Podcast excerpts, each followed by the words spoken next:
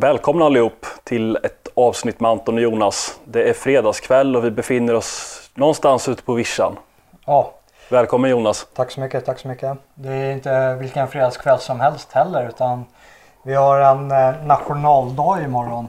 Just det, precis. Och vi befinner oss just nu också uppe i en eh, coronakris. Där det är social distansering som gäller. Där man inte får vara i en grupp större om 50 personer om man befinner sig i Sverige och är det andra länder utomlands så är det kanske två personer. Precis.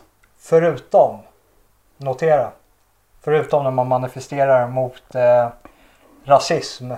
Och eh, det här kan inte undgått någon att eh, Black Lives Matter tillsammans med eh, Antifa och andra vänsterrörelsen är ute och dels protesterar, demonstrerar men också slår sönder eh, hela stadsdelar, plundrar, som Ja. det kallas. Och eh, en sak som verkligen fick det sig att det, för, för er som har varit med ett tag och varit eh, vakna ett tag så är inte det här något nytt under solen att vänstermänniskor beter sig på det här sättet.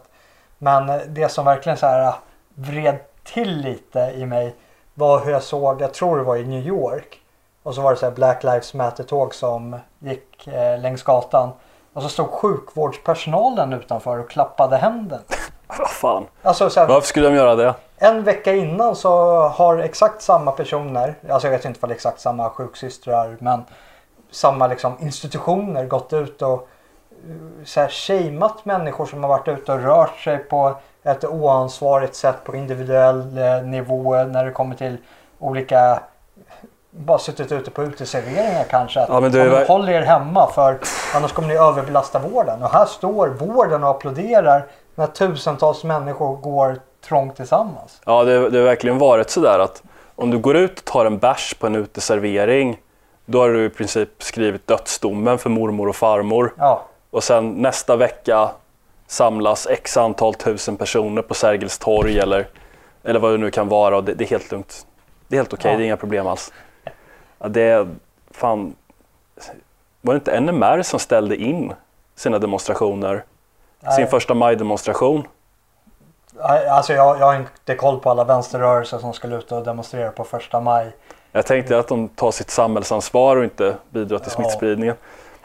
Men eh, där har du ju, och eh, kollar vi på hur, eh, jag tror inte det här är unikt för Sverige, men en sak som alltid problematiseras i samband med eh, olika former av samhällskriser eller när det rör någon form av samhällspåfrestande händelse så kollar man gärna särskilt på, ja men hur påverkar det här särskilt utsatta grupperingar?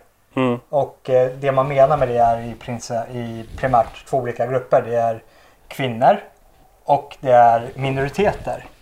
Och när det kommer till den här coronakrisen och så har eh, olika grupperingar gått ut och flaggat för att det har ju drabbat de här särskilt utsatta grupperna hårdast.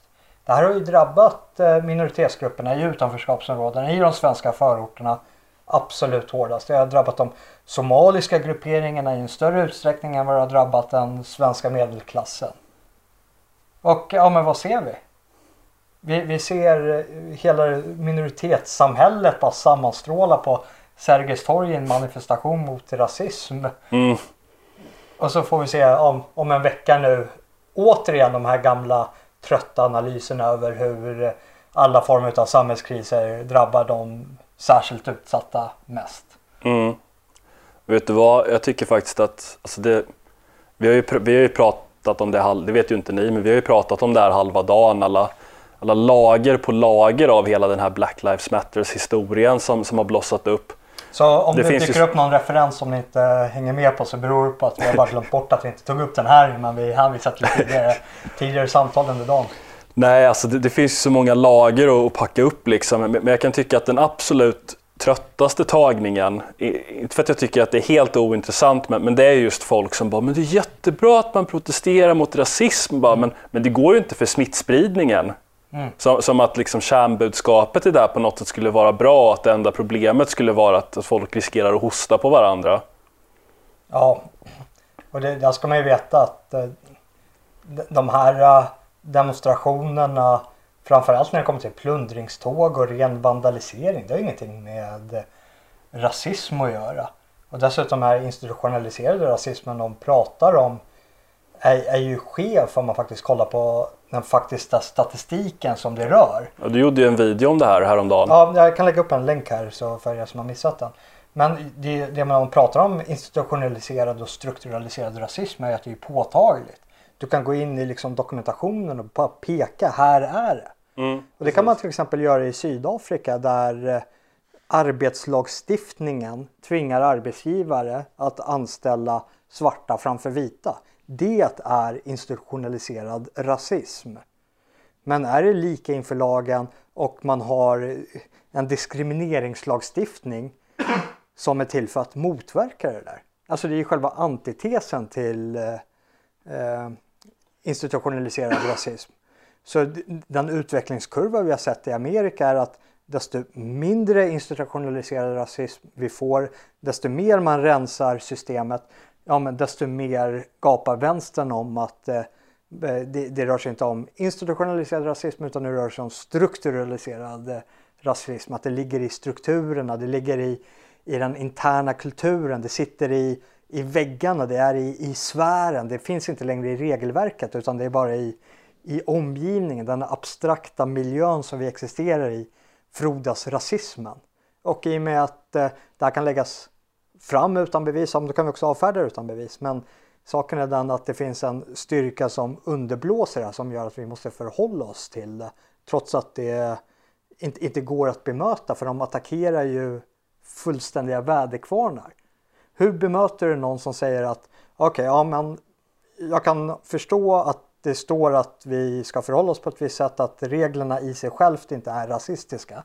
Vilket de inte är, de är snarare tvärtom att eh, Eh, svarta får förtur till eh, många olika positioner i amerikanska samhället, inte minst i universitetsvärlden eller inom arbeten på affirmative action.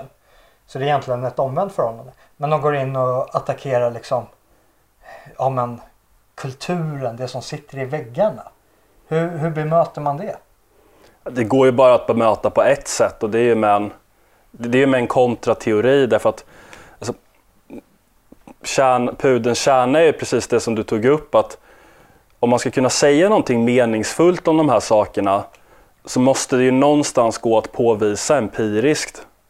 Och det är ju precis det som inte går. Mm. Eh, förutom motsatt, eller man kan säga så att i det gamla Sydafrika, alltså under apartheid, då hade det ju gått att påvisa institutioner som upprätthåller ett visst system. Ja, där står det. På den här bänken får bara vita människor sitta och på den där bänken får bara svarta människor sitta. Exakt, det, det är liksom inga konstigheter utan det, det, där är påvisbart empiriskt men, men det finns någonting med hela den här Black Lives Matter-grejen att det, alltså, om det bara var så att det var massa kaosmänniskor som var ute och plundrade och, och stal liksom, så skulle det aldrig ha blivit så stort. Mm. Men det liknar någonting som jag vet att Lottrop Stoddard skrev om i sin bok The Revolt Against Civilization. Och det handlar ju någonstans om att olika samhällselement eh, allierar sig med varandra. Och här, och här är det ju tal om allianser mellan dels den här pöben som, som liksom inte har något vett överhuvud, som inte har någon ideologisk drivkraft kan inte jag tro, utan möjligen resentiment, att de känner sig underlägsna. Och så såklart starka ha-begär, de vill ha prylar, de är väldigt materialistiska människor. Och när de ser en, en öppning att, att gå och stjäla en TV så gör de det utan att tveka. Men det man också ska förstå är att det finns en väldigt stark, och här, finns, här kan vi faktiskt tala om en väldigt stark institutionaliserad och påvisbar akademisk kultur som uppmuntrar det här. Alltså kulturstudier, eh, postkolonialism. Det, det, är någonting som man, man, kan tro att, eh, och en gång i tiden var det ju så att det här är ju bara något som finns i snäva vänsterkretsar, men, men så är det faktiskt inte utan det är ganska mainstream akademiskt, det är inte kontroversiellt att vara postkolonialist till exempel. Och, och någonstans där så har du ju anledningen till att man inte behöver den här empirin därför att det handlar inte så mycket om empiri utan det handlar om, om teori. Det får mig att tänka på någonting som den bortgångne Jonathan Bowden sa. Han sa att en, en borgare eller en, en, pers en person som tillhör borgarklassen eh, går genom livet med sitt sunda förnuft och en marxist går genom livet med sin teori. Och någonstans är det det som stämmer i, i, i de här fallen därför att om man läser vad de här människorna skriver, de som håller på med det här, så är det så otroligt det är så otroligt abstrakta argument. Det är så otroligt abstrakt teoribildning. Det finns väldigt lite empiri utan det handlar verkligen om att med, med väldigt invecklade spetsfundigheter vrida och vända på saker så, så att man får fram det önskade resultatet. Eh, en grej som är ganska intressant att påpeka är att det här är ju en, vad man kallar en konstruktivistisk teoribildning. Att den inte, apropå det vi sa i förra avsnittet när vi pratade om det här med vetenskap och objektivitet och sånt där och att en massa vänstermänniskor gick ut på, på marscher för vetenskap vilket var jättekonstigt för eh, radikala vänsterkretsar på universiteten har ju alltid motarbetat eh, naturvetenskaplig metod, de har alltid motarbetat objektivism alltid motarbetat den här typen av vetenskapstraditioner som setts som västerländska och mm. förtryckande och sånt där. Utan, utan det man istället vill, vill liksom komma åt är ju att de enda som kan säga någonting om de här grupperna, eh, det är de själva. Därför att det enda som räknas är eh, den självupplevda erfarenheten. Att en, eh, en vit person kan, kan liksom aldrig studera svart kultur eller kan aldrig studera förortskultur. Därför att då, då blir det bara den här den här imperialistiska blicken som, eh, som förskönar eller exotifierar eller någonting utan de enda som kan säga någonting om de här människorna är de själva. Och, och då någonstans landar man ju i det här att då kan det ju inte beskrivas vetenskapligt utan då, då, då får vi ju lita på vad de här människorna säger. Att, och om de upplever att de är utsatta för, för rasism, även ifall det inte på något sätt går att bevisa, så, så måste man helt enkelt förhålla sig till det. Ja men verkligen och eh, det är ju sådana här saker som genomsyrar den akademiska världen. Och eh, jag säger världen för det är inte bara liksom i Sverige utan det är liksom Europa och Amerika. Och det är därför vi fick se en kvinnlig polis agera på det sättet som hon gjorde när hon var de här uh, ligisterna till lag så satte sig på knä inför dem och gjorde någon uh, svart uh, panterhälsning eller vad det nu är och sätter sig med en skylt där det står att White silence is violence. Ja, det... Vilket i sig är det i sig själv borde vara ett lagbrott. För det det betyder är att om vit tystnad, alltså i det här åsyftet så att om vita människor inte erkänner det här problemet och talar om de här problemen som svarta måste genomlida i västerlandet om då utövar den här tysta vita människan våld mot minoriteter. Och någon som utövar våld mot någon annan, den personen har ju rätt att försvara sig med våld mot den personen. Så den här skylten som eh, poliskvinnan håller upp säger att det är fritt fram för minoriteter att ge sig på tysta vita människor för att de utövar våld mot minoriteter. Precis. Och, och det... eh, he hela det här tankestrukturen som den här kvinnan har fört med sig från sin polisutbildning är ju just att de kommer från Södertörn där eh, polisutbildningen har blivit eh, kulturmarxistisk. Att det ska vara en eh, osund fokus på genus, på rättviseperspektiv när det kommer till minoriteter. Alltså de har flyttat polisyrket från den praktiska ordningsupprätthållande eh, liksom syftet vars eh, dess själva essens existerar till varför vi har en polis. Det är en del av ordningsmakten.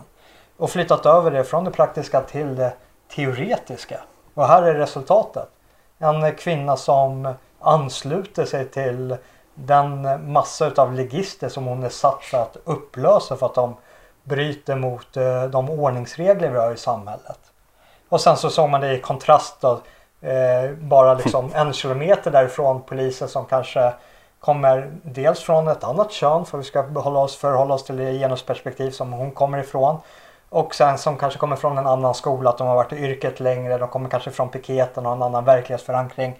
Och de upprätthåller lagen på sitt sätt med eh, eh tillrättavisning och eh, åtföljs det inte och de möter motstånd, ja, då slår de tillbaka och ser till att lösa uppgiften de är satt att lösa. Och det finns ett genusperspektiv här. För bara... Tunga ord. ja. Eh, föreställ er, föreställ er det kontrafaktiska. Föreställ er att det var en manlig polis som satt på knä, höjde upp handen, grå, eh, tårögd, nästan lite så här eh, en blandning utav egen förtjusning och rädsla inför den mobben som stod och hotade polisen, vilket, vilket det var. Det var en hotfull situation mot den här polisen. Jag tror, jag tror att hon eh, även hade liksom en del, eh, del förtjusning i sig till att hon ty- sympatiserar med de här grupperna samtidigt som hon var lite rädd och därför var de också till lags. Eh, föreställ er att det var en man och att de här eh, sju, åtta poliserna, den här polispatrullen som var vid slottet som eh, upprätthöll lagen på ett lite mer hårdare säkerhetsperspektiv var kvinnor. Det, är liksom, det, det, går, det går inte att sätta sig in i att det skulle vara det omvända. Nej, Apropå, verkligen inte. apropå att eh, kön bara är en social konstruktion. Det, det är det inte utan det finns eh, psykologiska skillnader och de psykologiska skillnaderna bottnar delvis i eh, könens eh, olika förmåga att till exempel utöva våld. Vilket man såg bland de här manliga poliserna uppe vid, vid slottet. Ja, men det, det säger ju någonting om, alltså, det, det finns så mycket av det du precis sa som jag vill kommentera på, men man kan verkligen säga att när den här kvinnliga polisen på riktigt sätter sig och knäböjer inför de här människorna. Och kramar om dem, omfamnar dem och gråter. Och... Ja, det, det, var helt, det var helt sinnessjukt faktiskt. Jag, jag, det säger någonting om vilken typ av människor det är som liksom, de har lockat att söka sig till utbildningen. Och det, det är liksom, någonstans är det faktiskt så att det, det kanske verkar harmlöst nog, men det är faktiskt sådana människor som, som blir farliga när det väl gäller. Ja, för kolla, för det som hände uppe på slottet var att den här pöben står och skriker att de hatar polisen. Och står och skriker polisen bara ner på knä, ner på knä. Varpå den kvinnliga polisen gjorde vid, vid ett annat tillfälle eller parallellt liksom samtidigt fast på ett annat ställe. Och det, det är den här pöben som polisen kommer att arbeta med i förorten sen. Mm. Vad sätter det för predikat om du viker ner dig på det sättet? Och här ska man, här ska man inte glömma att eh, kvinnor har alltid rätt i, i alla former av diskussioner. För rör det sig om att man eh, argumenterar att eh, varför kvinnor ska vara i eh, polismakten så är en utav liksom det du möter är att ja, men de har en annan konflikthanteringsmetod men kvinnor kan lugna en situation på ett sätt som inte en man kan. Vilket vi fick se här. Och eh, ett sätt som kvinnor ur antropologisk mening lugnar en fientlig gruppering det är ju att vara dem lite till lags. Just på grund av att de, Tenden befriend. Ja, tend and befriend för att de just saknar den. Inte bara för, på grund av att de saknar den kapaciteten som krävs för att faktiskt slå tillbaka och vinna. Utan på grund av att kvinnor är satta på den här jorden att föra människosläktet vidare. Och eh, befinner de sig i frontlinjen så försvinner den essensen. Och där liksom träder ju mannen in och eh, man, som eh, den eh, väldigt välkände militärhistorikern som ni har följt den här podden eh, Martin van Creveld uttryckte det som att kvinnor behöver män som mest när de är hotade utav andra män. Det, det är liksom där män, mannen kommer till, till sin rätt. Och det är ju just försvarsyrket. Och eh, vill man veta skillnaden mellan kön och genus som sådana här eh, postmoderna eh, socialkonstruktivister gärna pratar om att det finns Okej, okay, det finns ett biologiskt kön och sen så finns det genus, det socialt konstruerbara könet. Och det är liksom förväntningen på mannen och kvinnan över hur de ska vara tänkta att bete sig. Och det är kulturellt betingat att, att vi har en förväntning på kvinnan att vara så här gör att hon blir så. Det har ingenting med biologin att göra. Och eh, det finns en bra studie av eh, David Gilmore som har undersökt eh, de kurs, korskulturella tendenserna till hur mannen betraktas. Och är det sant i varje kultur oberoende av varandra så kanske det finns någonting som är lite biologiskt betingat till vad mannen har för syfte. Och eh, David Gilmore kom fram till att inom alla kulturer, eh, oberoende av tid och miljö och geografi, så fanns det tre faktorer som alltid fanns där. Och sen de faktorerna var antingen förstärkta eller försvagade beroende på omgivningsomständigheter. Eh, eh, och eh, det var de tre P kan man säga. Det var provide, alltså försörjare. Det var protect, försvararen och så procreaten, alltså fa fadern då, för faderskapsrollen. Svårt att komma ifrån just den biten. Man kan tro att det är något biologiskt med Ja. just Och det där spegelvända är ju liksom moderskapen och att kvinnan finner sin rätt i graviditeten och i moderskapet. Och eh, det är liksom i sitt essens så är mannen en försvarare utav eh, sin miljö. Och det, det, man kan inte försvara sig mot en yttre fiende genom att vara den till lags. Och där såg vi det liksom lite demonstrativt mellan den här kvinnliga polisen och de manliga poliserna vid slottet. En polis lugnade situationen genom att vara lite till lags och eh, de andra poliserna försvarade situationen genom att sätta hårt mot hårt. Det är så stereotypt på något sätt. Ja.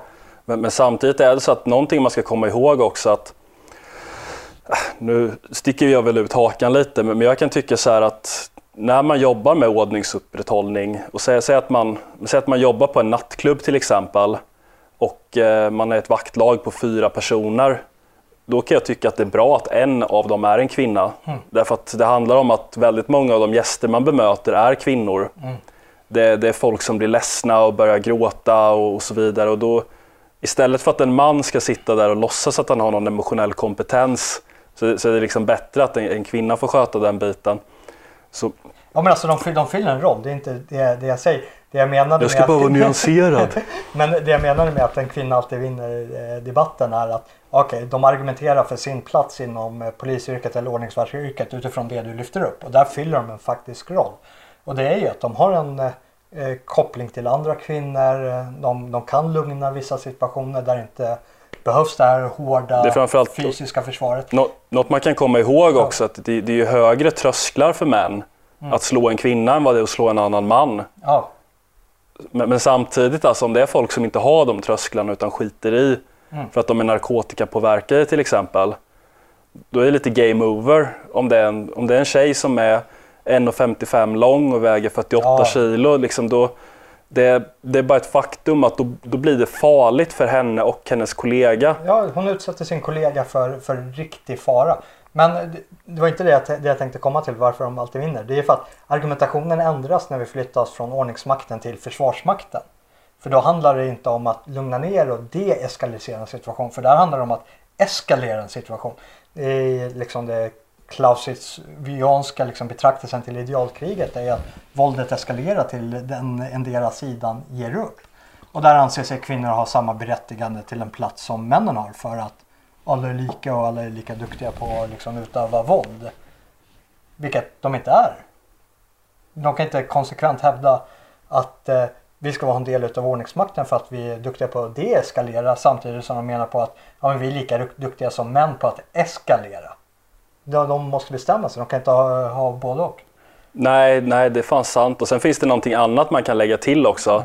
Jag, jag tänker att vi kan röra oss tillbaka till att prata om Black, Life, Black Lives Matter alldeles strax. Mm. Men det finns bara en sak som, att just när man talar om att eskalera så är det ju inte, det är inte ett språng. Det ska inte vara ett språng nej. utan det är ju en trappa. Ja. Att man, man börjar alltid här nere där läget är lugnt och sen arbetar man sig uppåt steg för steg. Och om det handlar om ordningshållning så kan det ju börja med att man, man, man ber personerna att lämna platsen helt enkelt. Och det kan någonstans sluta med att någon av dem får ta emot ett antal batongrapp och tvingas från platsen. Men mellan sådana situationer så finns det ju ett antal steg. Men det som är lite farligt med den här typen av människor, som exempelvis, nu vet jag inte jättemycket om den här, den här poliskvinnan som, som började böla och, mm. och ställde sig på knä, men problemet med den typen av människor, det är att föreställa er att det inte räcker med att be snällt att, att, någon ska gå, att någon ska lämna platsen eller att någon ska underkasta sig polisernas vilja. Utan vi hamnar i ett liksom mellanläge vad gäller våld. Mm. Det blir brottning. Någonting som är, ja, kanske i värsta fall slutar med ett par blåmärken eller ett spräckt ögonbryn för att någon åker i backen. Ja. Sådär. Men värre än så behöver det faktiskt inte bli. Men föreställ er att en sån person kommer ju inte kunna hantera det mellansteget utan hon kommer ju behöva eskalera ytterligare. Utan hon kommer ju hon, behöva... hon, hoppar, hon hoppar över trappstegen och drar sitt tjänstevapen mycket tidigare än vad en man behöver göra. Och det är det som någonstans är farligt faktiskt, väldigt farligt därför att en person som är stark och kan hantera en annan bångstyrig person kan ju brotta ner någon. Mm. Det kanske blir lite blåmärken och det kanske gör lite ont men, men det blir faktiskt inte värre än så. Och det, där har vi, ifall vi ska gå tillbaka till Black Lives Matter, för eh, den eh, ondsit, ondsinta arketypen utav den maskulina försvararen som du säger som kan hantera de här trappstegen och ta det till fysiskt våld och sätta ett knä i nacken på en eh, förövare. vilket George Floyd var. Det var, det var ingen bra människa. Det var ingen vanlig svart civilist, en vanlig medborgare som bara ville komma iväg till jobbet. Utan det här var en kriminell våldsverkare. Och så hade han med en eh, polis som befann sig alldeles för långt i ett ytterläge utav eh, det här hårda perspektivet över att upprätthålla ordningen. Och det kostade George eh, Floyd livet. Mm. Det, så det är liksom ytterläget på ena änden. Och sen har du ett ytterläge på andra änden där jag tror kanske Sverige är liksom mer i farozonen. Där du har poliser som den här kvinnan som istället försöker upprätthålla ordningen genom en total underkastelse. Så på ena sidan så har vi att ja, men vi, vi i princip dödar förövaren, vilket var det som hände George Floyd. Och det andra är att vi ger förövarna ett fullständigt carte blanche. Vi bjuder dem på fika, vi bjuder dem på pizza. Vi sätter oss på knä framför dem och liksom håller med om att vi är svin och ber om ursäkt för vår arvskuld som vita västerlänningar och vår del i slaveriet. Och, Ja, vilket ju är bisarrt och det... ja, ja, i, i, i svensk kontext så blir det väl inte vår del i slaveriet utan vår Jo, del... säkert. Säkert. Ja, men vår del är att, vi, att det inte finns tillräckligt med fritidsgårdar för dem. eller, eller att omfördelningspolitiken inte har varit tillräcklig. Eller liksom, det, det, det, allt det här är bara förevändningar för den här gruppen att främja sina egna intressen. Och det tror jag, att, jag tror att du var inne på lite med Dr. Stoddards eh, perspektiv på vad det, den här gruppens intressen är. Och det är att den här gruppen har problem att hantera ett eh, framgångsrikt i-land på grund av att de har svårt att konkurrera på den fria marknaden mot eh, eh en del av klientelet här. Och det föder ett väldigt, väldigt starkt resentiment. Och när de ser att det här inte bara är på individuell nivå, det här är inte bara mig det drabbar, det drabbar alla andra som ser ut som mig också.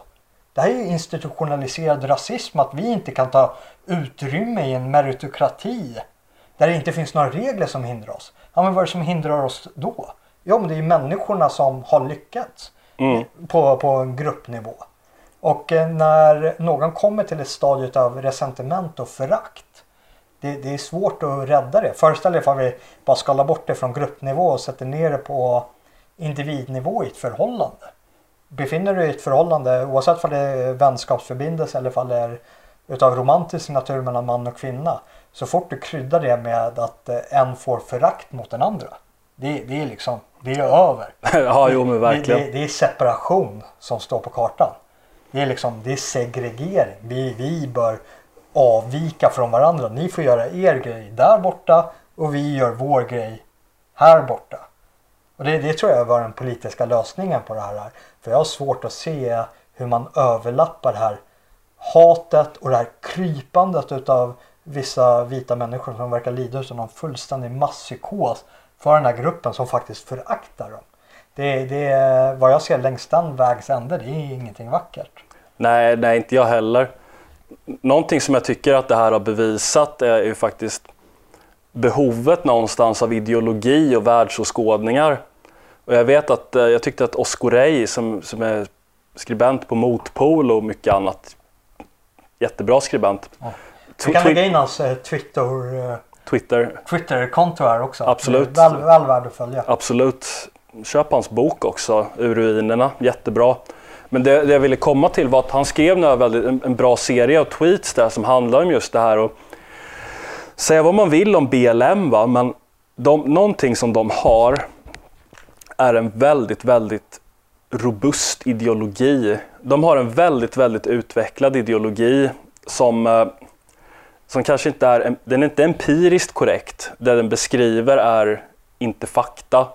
Men det spelar ju faktiskt ingen roll därför att jag menar, hur mycket av, av det som de mest framgångsrika ideologierna och religionerna har fått människor att göra och motiverat dem till har varit fakta. Väldigt lite vågar jag tro, så det, det spelar ingen roll egentligen.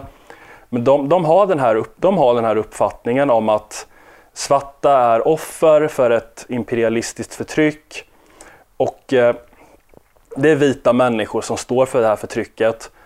Och någonstans om man skulle bara titta på det från ett sunt förnuftsperspektiv så ja men visst, vissa vita eliter har väl varit drivande i slaveriet men de flesta av oss är inte ens ättlingar till vita eliter. Vi är ättlingar till bönder och hantverkare och sånt där som liksom i princip kanske inte var slavar själva men som hade nog med sitt eget elände liksom. Ja, och vissa mer än andra. Precis, och det, ja exakt. Och det, vad, vad, vad, vad saken mynnar ut i blir någonstans ett, en uppgörelse mellan ideologi å ena sidan och sunt förnuft å andra sidan.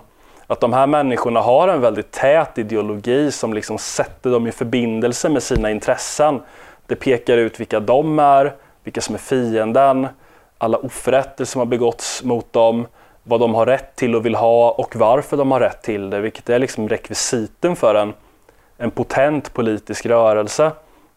Och motståndarsidan har väldigt lite att sätta emot på den fronten utan det finns liksom inget som riktigt motiverar eller, eller går att, att kontra med utan det blir någon sorts grundläggande sunt förnuft-respons att ja, men det är väl inte rimligt att, att, att så här, bara för att jag inte uttalar mig mot de här sakerna så, så är jag del i ett strukturellt våldsverkande förtryck. Liksom. Men jag, jag, tycker så här, den här typen av saker visar att det funkar inte att bara ha en sunt förnuft-uppfattning om saker. Det, det, håller inte. Utan det är som Oscar Rey skriver att någonstans finns ett behov av världsåskådningar. Och någonstans så behöver vårt folk, om vi ska liksom klara av att stå emot den här typen av saker, behöver en världsåskådning som pekar ut vad, vilka vi är, vad vi vill ha, vad vi har rätt till. Som, som gör att, att folk inte liksom faller in i de här sakerna. För något som har, har varit väldigt påtagligt när det här har pågått är ju att, som du precis sa, det här har ju spritt sig som en masspsykos. Det är liksom otroligt man kan tycka att det är märkligt för den här typen av postkoloniala idéer var ju, när de kom, alltså det var ju i marginalen, det var ju idéer långt ut på vänsterkanten. Det var personer som Sartre och Frans Fanon och de typ, den typen av människor som var postkolonialismens huvudmän. Jag vet att jag har citerat Sartre tidigare men när han skrev ett förord till Frans Fanons bok Jordens fördömda så skrev han att att döda en vit man är att eh, slå två flugor i en smäll. För du, du, får, du befriar en förtryckt och du dödar en, en förtryckare. Ja, det, det, är liksom det är den typ, där vi är. Ja, men det är den typen av ultraradikala påståenden som du när de kom kunde hitta längst ut på vänsterkretsarna. Men idag så, så liksom ser du influencers, det är fan fan illamående av att ta ordet i min mun. Va? Men du ser folk som verkligen representerar mainstream så mycket det blir. Folk som har miljontals följare på Instagram i Sverige som lägger upp de här svarta rutorna. Blackout Tuesday eller vad fan det nu kallas. För att markera att de ansluter till det här. Jag menar, det, det är liksom någonstans framgångsrikt att om, för så, så är det ofta det går till att idéer börjar i marginalen och sen litar de sen letar de sig in mot politikens mitt, mot kulturens mitt. Och det är det jag kan tycka att det är klart det kommer alltid finnas akademiker och politiska extremister och sådär som är liksom crackpots och som bara, som bara är helt orimliga i vad de tycker. Det kommer alltid att finnas. Och om det finns ett par professorer och några skriftställare och någon aktivistorganisation som tycker så, fine, det, det är väl helt lugnt. Men när det är så att det, det, politiska och kulturella mainstream, att liksom fitness-influencer-brudar med 1,8 miljoner följare lägger upp de här svarta rutorna och markerar sin anslutning till det här. Ja just det, för det, för det är precis ut, det är utanför aktivistskaden. Det här är dina vanliga medborgare som på något eller annat sätt livnär sig på en bred massa. Ja. Så de ser det antingen för att de är själva liksom bara upptagna av den här tidsandan eller så är de bara kalla opportunister och ser vad som är gynnsamt just nu. Och eh, no, det är två saker som jag tycker eh, är värt att lyfta upp och det är att det, det, är under de här kravallerna och upploppen så finns det svarta näringsidkare som har skrivit på sina fönster att det är black owned. Mm. Alltså bara, bara den distinktionen. Som om att den här vita lokala eller koreanska lokala affärsinnehavaren har någonting med vad det är de nu protesterar mot. Sitt egna misslyckande på gruppnivå eller vad, vad det nu är. Som att eh, den här koreanska näringsidkaren har lyckats för att de här har misslyckats. Att det är det nollsummespelet vi befinner oss i. Det, det, det, det, där finns det lite att eh, resonera kring. Och sen den andra aspekten som kanske är mer inne på det du var här. Och eh, jag tycker den här videon, eh, jag ska säga, jag kanske klipper in den här.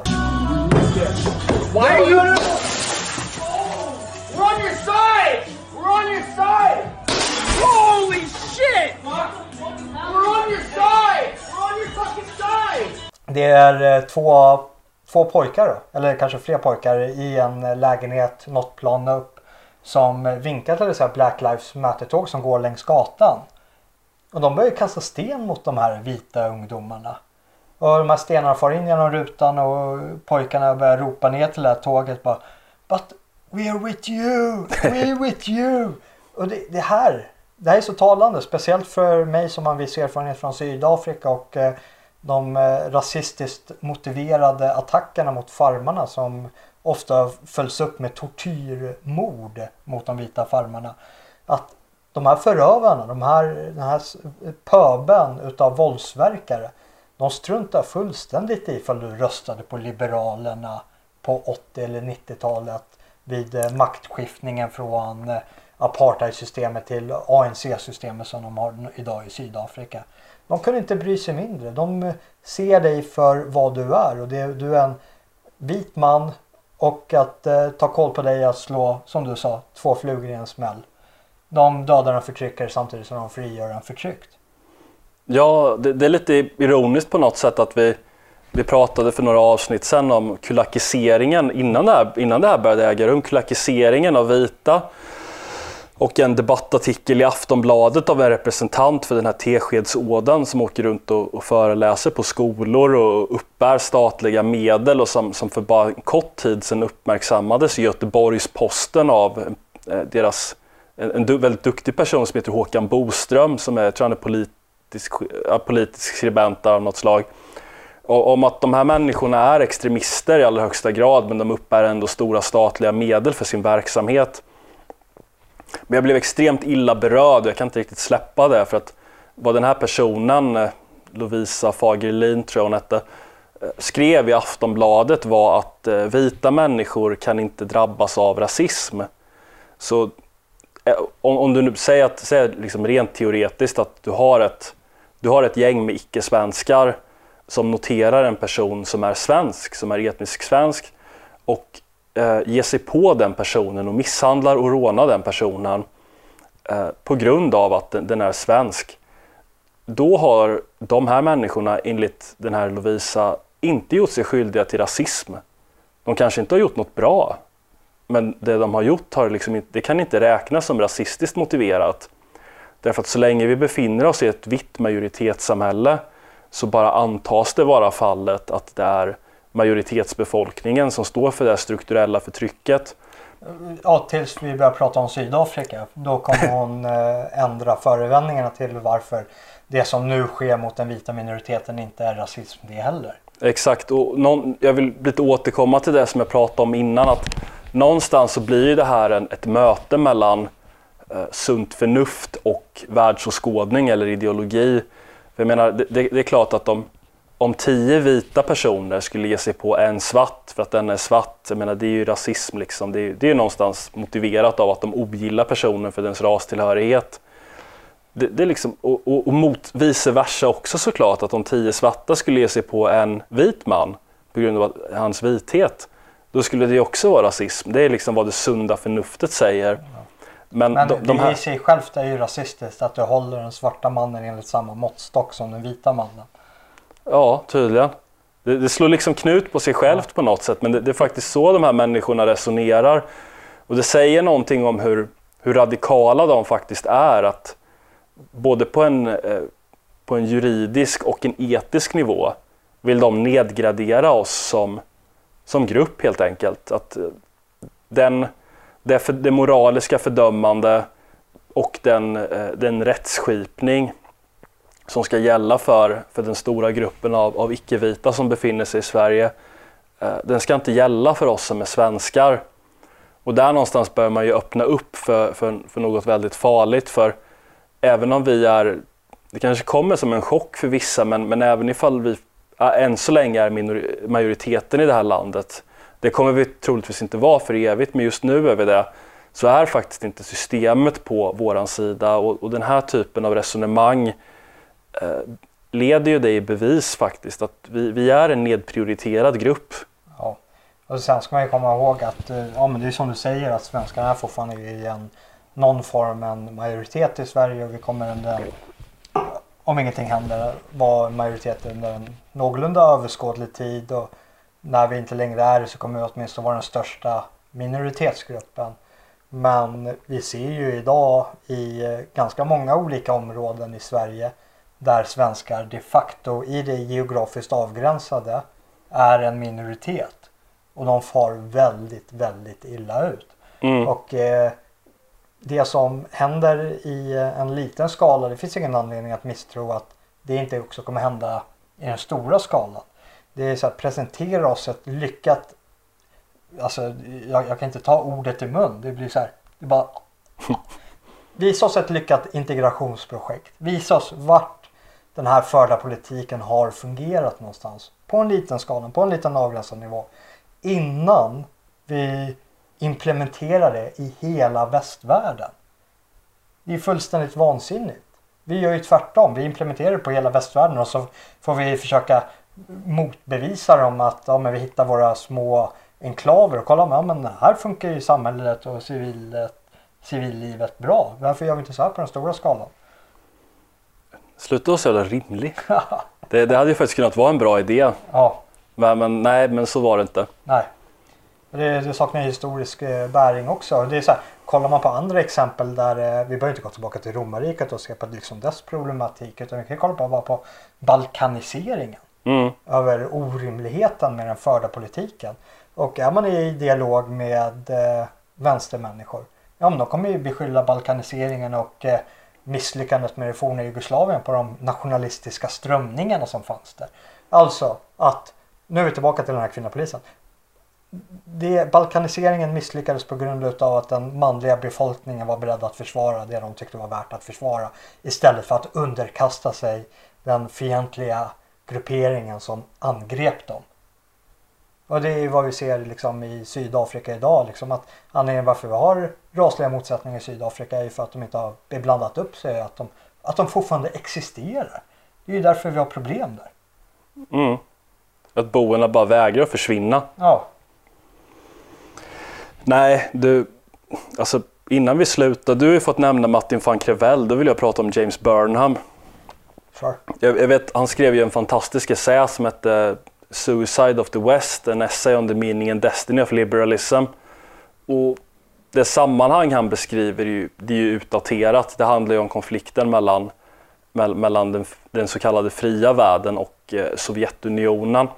Men det han menar är ju att liberalismen är eh, västerlandets dödgrävare därför att den, eh, den, den avväpnar människorna mentalt. Den, den får oss i princip att ja, sätta fred till exempel före att försvara oss. Det, det liksom underminerar alla de värderingar som står bakom ett framgångsrikt försvar av samhället. Och, och den får oss dessutom att acceptera alla de här motgångarna som, som någonting positivt. Att varje gång Sovjetunionen flyttar fram sina positioner och, och man, det, någonstans både ger liksom ett sting av känsla att här är, här är det någonting som inte är riktigt rätt. Men då finns ideologin där och, och ger tröst och rationaliserar det som händer och, och vänder det till någonting positivt istället. Och li, på, på samma sätt är det ju med Sverige i dagsläget. Va? Att varje gång politiken misslyckas så finns ju ideologin där för att rationalisera alla misslyckanden och, och få dem att framstå som, som helt okej. Det är lite som, säg att en person eh, tvingas amputera båda sina ben men, men liksom går och väger sig precis efteråt och bara, "Åh, jag har tappat vikt, Ja. härligt. Det är i form. Ja, vad bra. Jag behöver inte tänka på det. Nej, men det, det är någonstans de, den, den rollen som ideologi har. Och det som är väldigt skrämmande med just den här BLM-ideologin eller postkolonialism är ju att det är väldigt radikala idéer som har udden totalt riktad mot vita människor.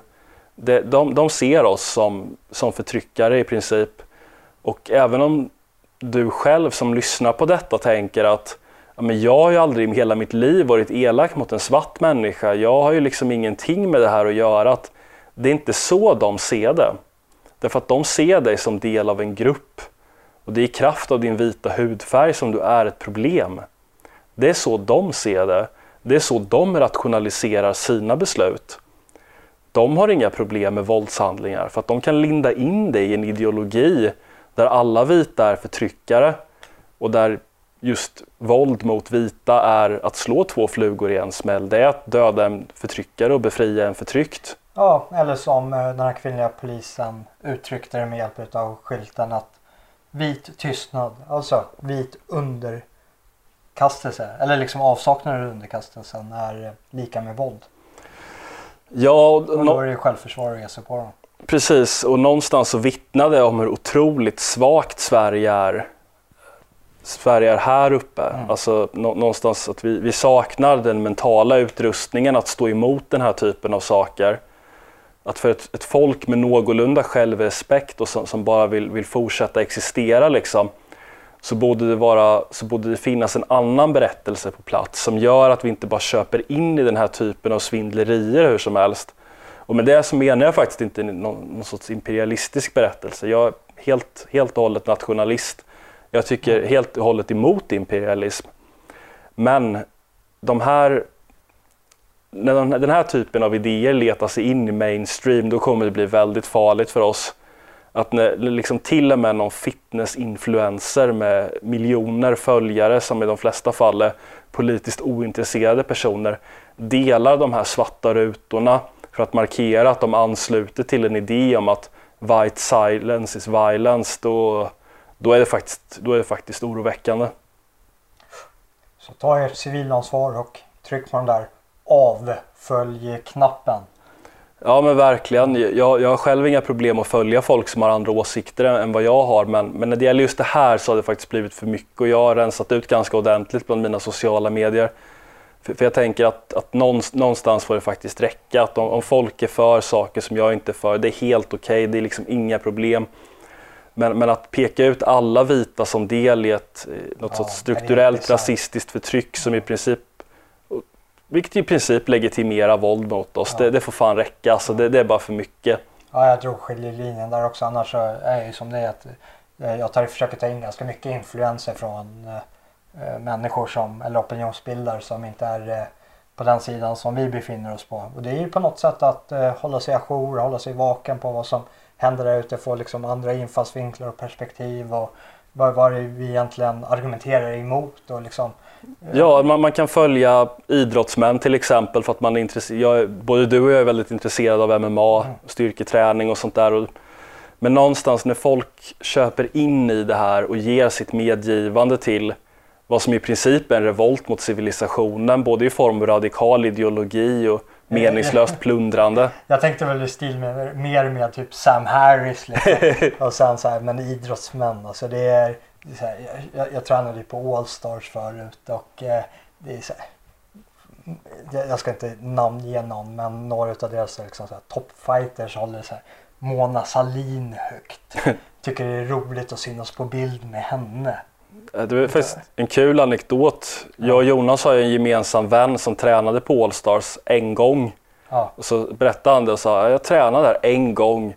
Det var, det var nog, jag ville aldrig gå dit igen. Ja, Hur länge tränade du där Jonas? nej jag, jag tränade där ganska länge. Vad kan jag ha? Fem, sex år? Ja just det, det är det som ja. är skämtet. Ja. Ska vi, ska vi avsluta med det? Ja, får göra det. Ja, får ni ha en eh, trevlig nationaldag. Absolut. Fira Sverige och svenskarna. Ja,